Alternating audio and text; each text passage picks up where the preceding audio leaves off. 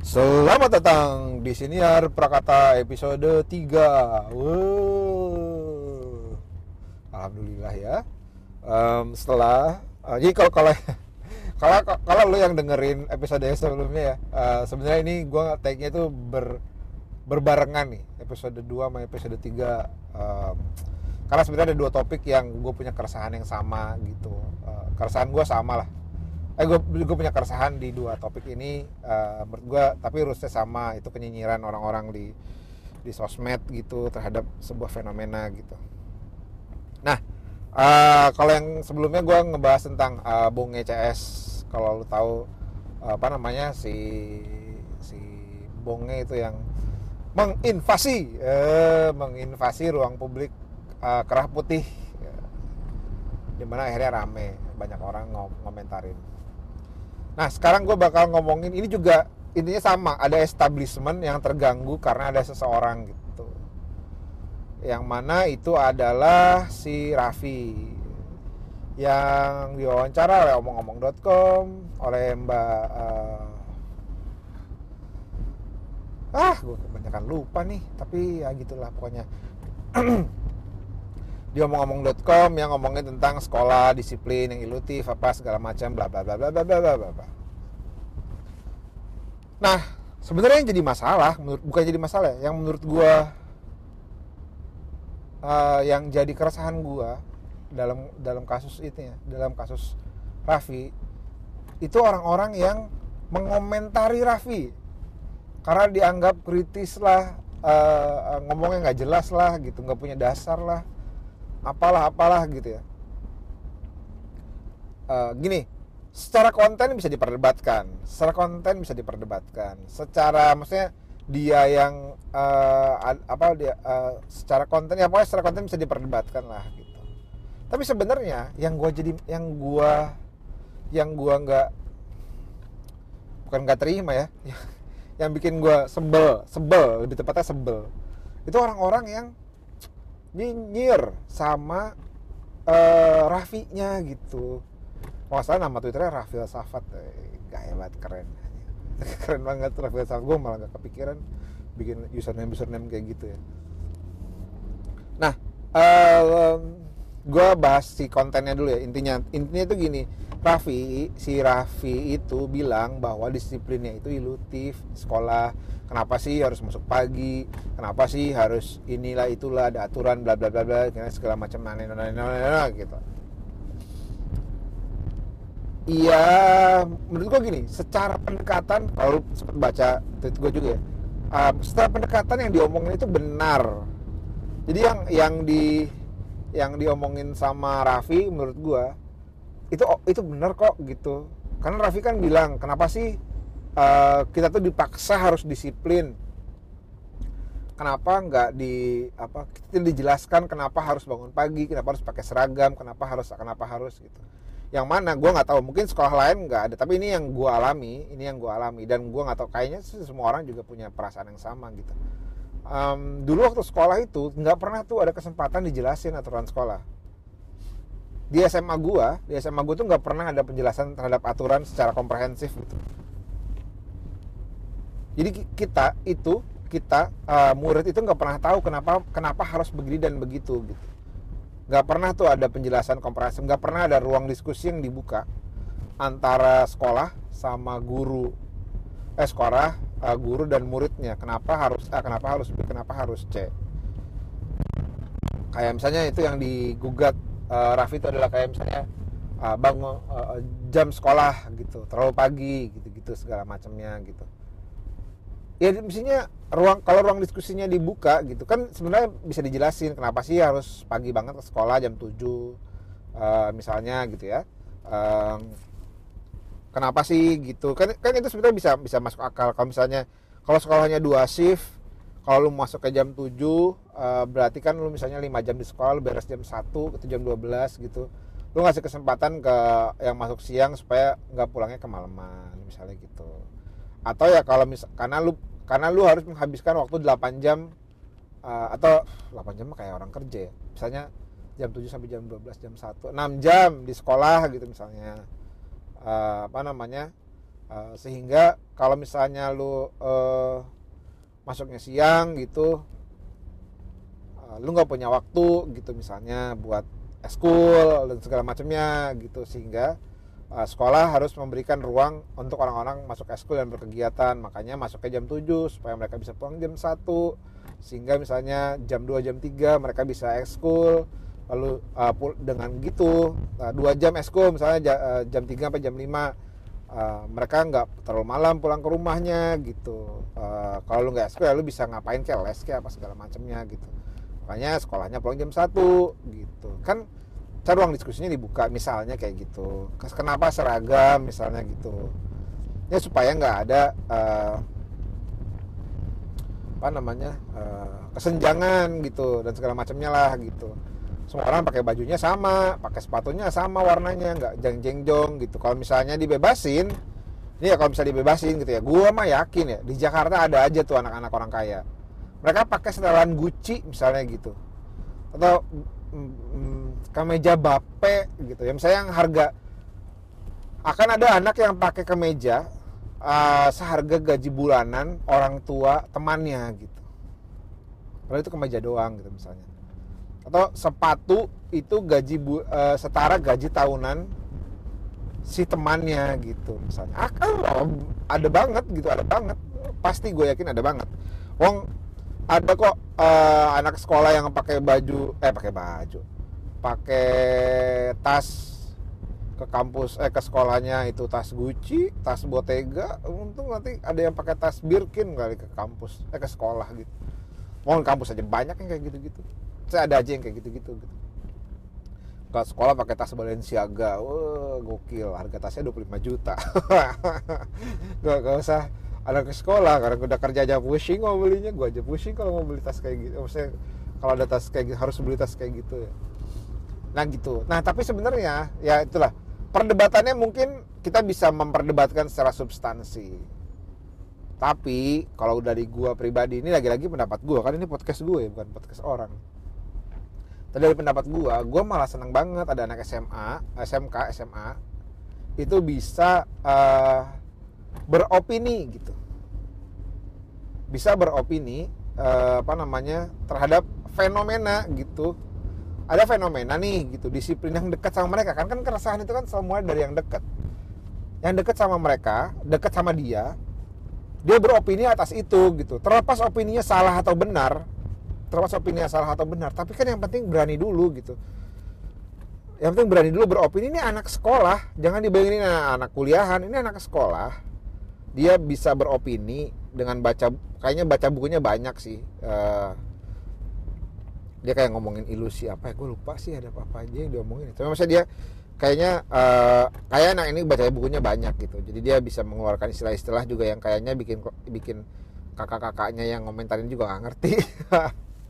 Gue sih gue kayaknya nganggapnya mereka suka nggak ngerti yang nyinyir.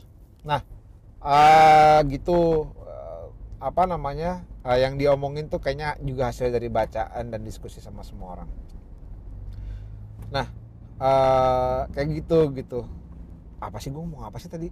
Nah uh, maksudnya banyak yang nyinyirin uh, omongannya. Gue suka sama dia berani kayak gitu. Karena gue kayaknya waktu SMA nggak kayak nggak segitunya. Maksud gue gue juga suka ngemeng gitu banyak bacot dulu waktu sekolah. Tapi kayaknya belum terstruktur kayak dia gitu. Uh, bukan terstruktur ya maksudnya um, omongan itu nggak seluas knowledge-nya nggak seluas dia kayaknya gitu. Uh, gue nggak nggak seluas itu uh, pengetahuannya. Jadi enggak apa namanya banyak hal yang nggak gue sadari lah uh, sewaktu gue ke sekolah dulu gitu. Makanya ketika sekarang dia punya sulit bisa punya omongan kayak gitu ya gua gua gua seneng yang jadi masalah adalah orang-orang tua yang so asik dengan menceramahi dia dan misalnya yang paling parah ngatain dia SJW lah ngatain dia sotoy lah segala macamnya gitu Wahai mas-mas, mbak-mbak yang usianya 30 tahun, biarkanlah adikmu itu ber mengekspresikan pikirannya. Kalau memang nggak sesuai sama yang dipingin yang di yang dibayangin sama bapak eh sama mas-mas dan mbak-mbak. Ya dikasih tahu baik-baik dibimbing dikasih tahu yang benar. Bukan dinyinyirin segala ada stand up komedian bilang dia nantinya jadi SJW lah segala macem lah. Ya lu maksud gua gini ya. Maksud gua gini ya. Di dunia internasional di dunia internasional ada anak umur 13 tahun yang ribut sama Donald Trump di mana dia ngomongin iklim. Argumennya terstruktur omongannya rapi pengetahuannya luas tentang iklim. Dia ngomentarin Donald Trump. Yang mana sama pendukung Donald Trump dinyinyirin sama kayak mas-mas mbak-mbak ini ingin Raffi. Seriusan? Lu coba cek deh. Uh, gimana pendukung Donald Trump? Itu ngeledekin Greta Greta Thunberg. Sama persis dengan apa yang dilakukan mbak-mbak mas-mas di Twitter ini terhadap Raffi. Dibilang so tau lah dibilang anak kecil tahu apalah dibilang so iyalah apalah itulah blah blah blah blah. Sama persis. Intinya mau menginvalidasi pendapatnya Greta. Sama kayak orang-orang mas-mas mbak-mbak ini mengin, mau menginvalidasi pendapatnya Raffi. Dan menurut gua gua nih gua sekarang udah umur 30 anjing 30 tahun 30 berapa ya gue 32 33 gua tahun ini. Anjing tua banget gua. 33 gua. Sama Raffi berapa kali? 20 tahun kali selisihnya? 10 tahun? Eh 10 tahun lah selisihnya iya gue mah seneng-seneng aja lihat orang kayak Raffi. Cuma kan lu semua yang udah pada tua-tua ya seumuran gue paling ya nggak usah nggak usah lu nyinyirin. Beda ya gitu. Lu mau ngasih tahu secara substansi boleh-boleh aja bilang Raffi uh, kalau disiplin itu sebenarnya tujuannya adalah ABCDE kenapa lu harus bangun pagi? Karena ABCDE gitu-gitu. Kayak gitu kayak gitu mah nggak masalah. Makanya gue gue nggak pernah menyinyir gue nggak pernah nyinyir balik sama orang-orang yang ngasih tahu secara substansi ngajak diskusi secara substansi nggak apa-apa. Gue mah nggak pernah nggak pernah nyinyirin itu biarin aja. Tapi begitu ada orang yang nyinyirin terhadap uh, hak terhadap uh, bicaranya Raffi dinyirin itu gue nyinyir balik lah. Tentu saja gue komentarin balik ya pedas-pedas juga sama. Tapi kan kayak gitu maksudnya. Yang gue bela adalah hak Raffi buat ngomong. Karena kalau misalnya secara substansi ada beberapa hal yang gak gue sepakat juga tapi kan ya udah gitu. Dimulai dari dia ngomong dulu bacot dulu nggak apa-apa bacot dulu ngomong dulu beropini dulu. Nanti selama perkembangan dia hidup ke depan ya di dibenerin dikasih tahu gitu oh Raffi sebenarnya tuh gini gini gini mestinya lu uh, ngomongnya begini begini begini ya, misalnya gitu secara struktur tuh gini gini gini bukan malah lu ributin lu nyinyirin lu bikin seakan-akan lu SJW lah. Nanti lu jadi SJW lah inilah itulah gitu. Ah nah, gua kalau kalau bagi gue ya kayak gila lu ngapain sih gitu? Ini lagi si Popon gue tahu nih si, si Popon ini kan emang rada-rada sentimen sama SJW SJW orang-orang yang dia cap SJW karena supaya orang-orang yang uh, beropini itu jadi rendah gitu. Supaya lu terlihat keren. Orang-orang yang suka ngomongin orang-orang yang kritis itu SJW itu kan berusaha jadi keren dengan cara merendahkan orang lain gitu. Ya nggak apa-apa kalau gua uh, kalau bagi gua ya gua pribadi nggak apa-apa. Ya silahkan aja. Kalau ada orang-orang yang pengen jadi keren dengan rendahin orang lain nggak apa-apa. Toh kalau misalnya apa yang diperjuangin sama teman-teman uh, yang dicap SJW ini berhasil juga yang seneng kan mereka mereka juga ya gitu. Uh, apa namanya? Uh, apa? Ya mereka akan senang juga dapat manfaat juga gitu. Jadi ya biarin aja lah. Namanya apa uh, memperjuangkan sesuatu uh, itu bagus-bagus aja gitu. Manfaatnya buat buat orang banyak gitu. Tapi kan ya ada orang-orang yang yang berusaha merendahkan perjuangan ya. Menginvalidasi perjuangannya. Apa uh, dengan cara memberikan label, labelisasi SJW, peorasi lah peorasi SJW. Padahal padahal ya social justice warrior namanya, social justice, social justice.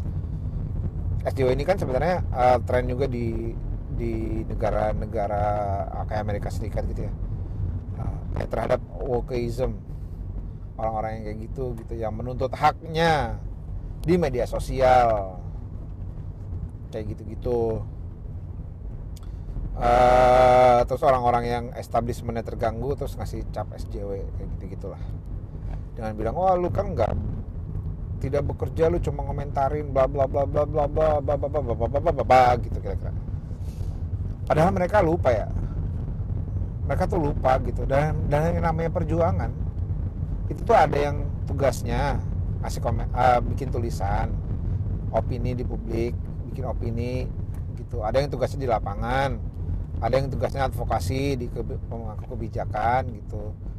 Ada yang orasi doang tugasnya gitu. Tapi kan kemerdekaan jadi tercapai. Dan mereka tuh pada masanya um, orang-orang Belanda ya dicap SJW lah. Kalau sekarang ya dicap SJW lah. Bung Karno gitu. Spesialis spesialisasinya apa? Orasi kerja di lapangan yang di lapangan ada lagi yang kerja gitu. Yang cuma kerjanya nulis opini di media ada. Dulu medianya bahkan bikin sendiri nyetak sendiri bikin koran sendiri. Yang mana sekarang namanya ya Twitter itulah gitu. Blog Twitter gitu. Mereka berpendapat di situ lah. Kalau dulu nyetak sendiri sebar sendiri gitu. Ya sama aja cuma kan mediumnya beda tapi fungsinya sama aja gitu ada yang kerjanya di Volkskrant eh, kerjanya di BPUPKI kerjanya di PPKI ya di institusi Belanda ada. Ada yang sekolah ke Belanda dikasih beasiswa sama pemerintah Belanda ada. Ada gitu. Semuanya tuh sama aja. Nah mereka mereka yang dulu jadi founding fathers ya tugasnya tadi ya kalau misalnya sekarang ya di dicapnya kayak SJW SJW menurut mereka. Nah orang-orang yang ngecap founding fathers itu SBY eh SBY apa SBY sih oh, orang-orang yang yang dicap oleh founding fathers eh orang-orang yang ngecap founding fathers itu SJW Iya komprador namanya, iya londo ireng kalau bahasanya mereka bahasa zaman dulu gitu. Orang-orang yang udah hidup di di establishment di status quo pada masa itu ngelihat Soekarno anak muda ngebacotin tentang demok tentang kemerdekaan mikirnya gitu juga sama. Ngapain lu ngomongin demokrasi eh, ke merdeka merdeka merdeka? Udahlah kayak gini gini aja. Udah ngapain sih pakai merdeka merdeka segala? Emang yakin Indonesia bakal sejahtera kalau merdeka? Sih. Apa itu Bung Hatta? Sekolah ke Belanda bikin-bikin pidato Indonesia Free Indonesia Free. Ngapain sih gitu emang kalau Indonesia merdeka Indonesia Free beneran Indonesia bakal sejahtera? Enggak juga. Udahlah gini-gini aja lah gitu. Ini lagi pemuda tahun 1928 bukan pada kuliah pada sekolah malah pada bikin sumpah-sumpah pemuda segala. Anak muda tahu apa? Udahlah biarin aja orang-orang tua ini. Sok-sok bikin bahasa persatuan bahasa persatuan lah. Apalah segala macem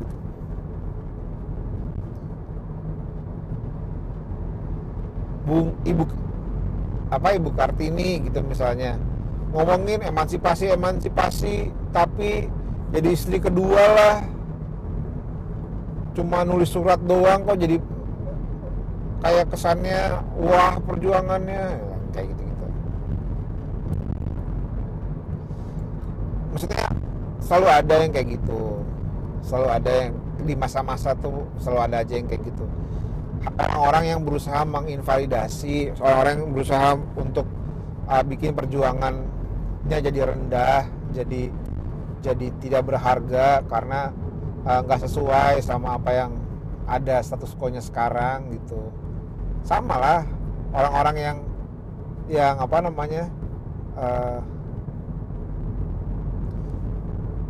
beropini di Twitter yang punya perjuangan di Twitter gitu terus di diomongin, dinyirin gitu jadi SJW, SJW gitu sama orang-orang yang nggak punya perjuangan sama sekali atau orang-orang yang udah nyaman sama kondisinya gitu. Akan ada aja. Dan gua nih gua gua tuh kan sering ngomongin tentang hunian terjangkau ya. Hunian terjangkau lah tenant protection lah gitu. Gua malah bilang iya gua mah SJW nggak apa-apa. Di dicap dicap SJW juga biarin aja kenapa emang? Sama mereka biar biar aja. Gue seneng seneng aja kok saya gue punya perjuangan gue punya opini uh, eh, gue punya apa yang menurut gue benar gitu. Ya udah diomongin aja. Itu dicap SJW sama mereka yang pengen kelihatan keren dari merendahkan orang lain ya nggak apa-apa. Nggak, pernah jadi masalah buat gue gitu. Gitu. Nah sekarang sih tinggal buat lu nih yang buat lu semua yang lagi dengerin pilihan. Gue cuma bilang ya lu, lu selalu punya pilihan lu selalu punya pilihan uh, mau berposisi di yang mana lu selalu punya pilihan di posisi yang mana gitu di apakah lu akan berposisi di status quo? Karena gini karena orang yang, yang jadi SJW itu orang yang punya perjuangan tuh banyak, bidangnya banyak gitu ya. Nggak cuma satu gitu ada yang ngomongin perumahan terjangkau ada yang ngomongin transportasi publik ada yang ngomongin trotoar ada yang ngomongin uh, harga ada yang ngomongin macam-macam lah gitu. Uh, pelayanan rumah sakit gitu misalnya. Ada yang ngomongin macam-macam gitu akan selalu ada di bidangnya dan setiap orang tuh nggak nggak belum tentu punya punya apa namanya uh, menguasai semua bidang. Pasti, pasti orangnya beda-beda juga gitu. Ah, ada yang sama tapi ada juga yang beda-beda gitu. Ada yang tidak pro batu bara kayak gitu gitulah yang nyerang uh, kan misalnya nih tambang gitu. SEO nya tuh Jatam misalnya gitu. Ngomongin apa namanya uh, tidak pro batu bara yang kayak gitu-gitu. Ada yang Greenpeace di lingkungan Walhi di lingkungan gitu. Atau siapa pun yang punya opini gitu uh, ya ya gue sih maksudnya gini ya lu berharap lu nggak sepakat sama isunya boleh-boleh aja. Tapi ya ya menginvalidasi sih jadinya pengecut sih gitu menurut gua ya. Kayak maksudnya kalau ini ya counter diskusi aja berargumen juga gitu. Jangan jangan malah mender apa ya bahasa itu derigatori ya. Mempeorasi lah SJW jadi kesannya jelek apa segala macam gitu-gitu. Ya nggak apa-apa juga. Gue yakin orang-orang ini nggak masalah juga mau lo sebut SJW kayak apa segala macam kayak gitu tapi uh, apa namanya dengan lo melabelisasi itu lo membuat lo sudah mereduksi pesannya gitu. Ya nggak apa-apa juga nggak apa-apa juga sih sebenarnya menurut gue itu hak hak aja. Cuma kalau lo ngerasa kalau lo uh, senang dengan melabeli orang SJW gitu uh, lu dilabeli komprador lu dilabeli londo irang lu dilabeli pro status quo juga jangan marah gitu. Sama-sama aja kan nggak apa-apa. Toh kalau misalnya perjuangannya orang-orang yang lu cap SJW itu berhasil juga uh, lu juga bakal dapat manfaatnya. Nggak apa-apa juga gitu. Kalau misalnya uh, apa namanya uh, transportasi publik lebih bagus kan juga lu yang pakai gitu misalnya. Udara jadi lebih bersih kan juga lu yang senang. Kalau misalnya minimum wage-nya apa uh, minimum wage jadi lebih tinggi apa upah minimum jadi lebih tinggi juga lo yang senang semua orang seneng lah dapat kayak uh, waktu uh, SJW SJW buruh di SJW SJW buruh itu memperjuangkan uh, apa 8 jam kerja. Uh, in, apa universal healthcare gitu. Itu kan juga diperjuangkan sama orang-orang yang dicap SJW pada masa itu gitu pada masa perjuangan atau cabut cewek juga sampai pro satu skor. Uh. Sama aja gitu sama aja. Jadi tapi kan semua orang mem merasakan manfaatnya. Nggak apa-apa. Gua sih uh, cuma memberikan semangat buat semua orang yang dicap SJW sama netizen Twitter yang sangat mulia dan uh, penuh perjuangan yang sangat-sangat memberikan manfaat untuk kemaslahatan rakyat semuanya gitu. Enggak ding. Tapi ya gitulah kira-kira kan. Maksudnya ya gitulah. Uh, apa ya?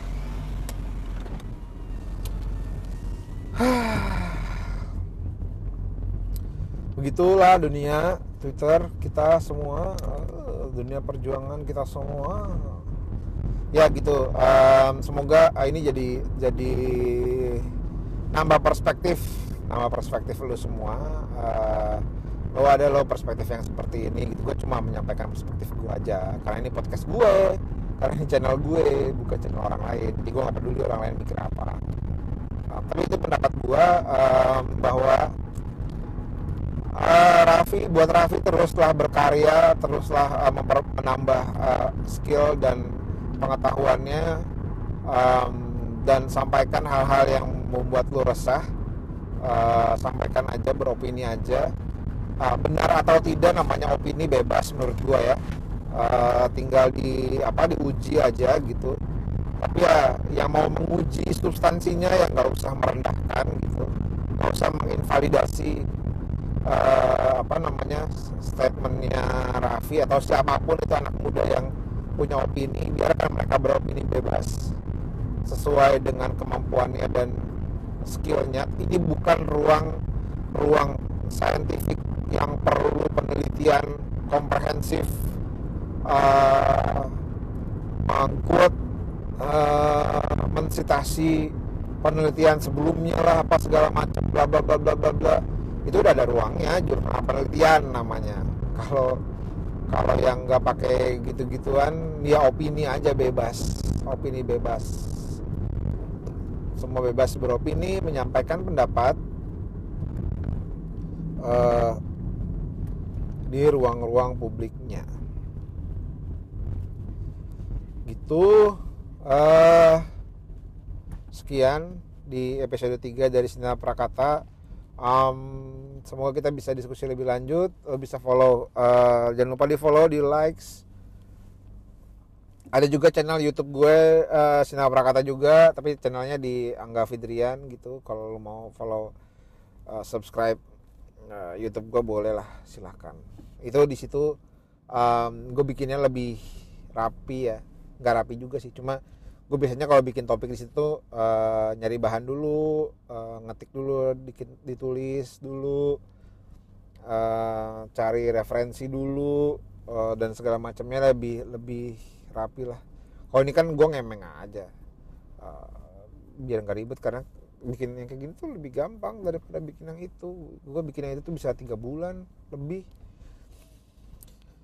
Begitu. Kalau mau follow twitter gue juga bisa di @anggaputra_f sekian dulu dari gue udah 30 menit.